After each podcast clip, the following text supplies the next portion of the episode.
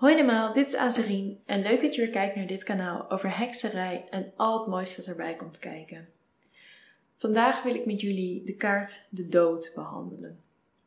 En waar ik ze voorheen alle kaarten een beetje heb gegroepeerd, heb ik toch besloten om de dood echt als, uh, als solitaire kaart te beschouwen. En ik heb ze eerst wel geprobeerd te groeperen, maar ik denk dat het gewoon even goed is om, om dit op zich te bekijken. Maar het is nog steeds belangrijk om even terug te grijpen naar de progressie waarin die al doorlopen is in de Major Arcana. En we hebben gezien, we hebben waardes geleerd, we hebben de samenleving verlaten, we hebben weer opnieuw kennis gemaakt met de, met de samenleving en de normen en waarden die daar heersen. En daar zijn we een paar keer doorheen gegaan. En vervolgens komt er een moment dat er een bepaald dood van het ego komt.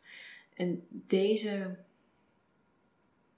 deze kaart komt niet aan het eind van de Major Arcana, want dat is ook niet zijn plek het komt aan het eind van al die lessen die zijn doorlopen. Dus kijk, je kunt al die lessen die, die ik heb besproken ehm, heel groot zien, maar ook juist heel klein. En de dood staat eigenlijk altijd voor het afsluiten van een bepaalde periode. En het is natuurlijk heel simpel om te zien: oké, de dood staat dus voor de dood. Hè? Je, je leeft en je gaat dood. Maar het gaat er dus juist om dat de dood staat voor echt een einde. Dus niet uh, zoals het rad van fortuin. Gewoon even een, een, negatieve periode die straks weer gevolgd wordt door een positieve periode. Nee, die periode is afgesloten. Het boek is uit het boek is uit, maar de, serie, de boekenserie nog niet. Maar het is ook niet een nieuw hoofdstuk. Um,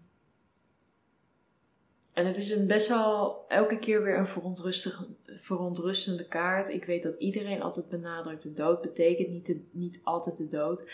Maar ja, het is wel zo dat de dood soms wel de dood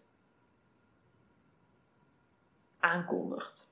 De, de letterlijke fysieke dood. Dus het is, het blijft een, een eng plaatje. Je krijgt opeens deze skelet helemaal in, uh, in harnas op zijn witte paard. En wordt hier begroet door een interessant hoopje mensen. We zien hier een, volgens mij inmiddels al dode koning. Um, dat haal ik uit dat dit een een kroon is. Ja, dat zie je niet zo heel goed, maar dit is een kroon en die, die persoon is dood. We zien deze pausachtige figuur, die lijkt te bidden tot de dood. We zien een heel klein kindje, dat lijkt iets aan te bieden, dus een, een, bosje bloemen. En we zien dit volgens mij een meisje dat haar gezicht juist afwendt. Dus er is een hele interessante dynamiek gaande tussen uh, omarm je de dood of wend je je ervan af of uh, begrijp je het hogere, de hogere betekenis ervan. Waar ook heel vaak op wordt gewezen is deze opgaande zon die tussen deze twee torens doorschijnt. Wat juist weer duidt op een een nieuwe dag. Er is weer. Weet je, zoals je kunt zeggen, elke dag sterft de maan en, of sterft de zon en wordt weer geboren. Dat is ook een soort van uh, herinnering aan dat ook elke dood weer wordt gevolgd door nieuw leven. Maar voor sommige mensen kan de dood een dusdanig moeilijke periode zijn, omdat ze zo erg nog hebben vastgehouden aan, aan oude patronen. Dus op het moment dat jij uh, op jouw, jouw weg als volwaard en vol, volwaardig en volleerd mens niet periodes als de dood hebt leren omarmen, kan dit heel erg verstijvend werken. Dus dat je, dat je gewoon echt denkt, dit is het einde. En dan vaak leidt de dood dan ook tot het einde. Ik uh, had recent een, een verhaal gehoord van iemand die ongewenst zwanger was geworden en daarmee dus een, ja, een hele duidelijke periode in haar leven afsluit. En juist door, door dat stukje niet te omarmen, is haar leven sindsdien eigenlijk alleen maar bergaf gegaan. Terwijl je er ook voor zou kunnen kiezen om. Uh, en daarmee bedoel ik, er zijn allemaal verschillende aspecten in, die, in, in haar leven zijn opeens. Weet alles lijkt opeens mis te gaan. En die, dat misgaan, dat komt voort uit een bepaalde stilstand die is bereikt. Dus ze werd opeens geconfronteerd met de, het aangekondigde nieuwe leven. En daardoor was zij gewoon niet meer in staat om progressie te zoeken in andere aspecten in haar leven. Dus dat was voor zij is dus iemand die, die dit soort dingen als heel erg verstijvend ervaart. En dat is heel jammer, want je kunt het dus ook naar je eigen hand zetten. De dood is ook vaak, is ook vaak gewoon een mogelijkheid. Ik heb deze kaart ehm, gekregen toen ik. Ehm, toen ik me afvroeg of ik door moest gaan met mijn stage. Ik kreeg deze kaart toen ik voor iemand een lezing deed die zich afvroeg of uh, diegene door, moest blijven werken waar, die, waar, waar ze werkte.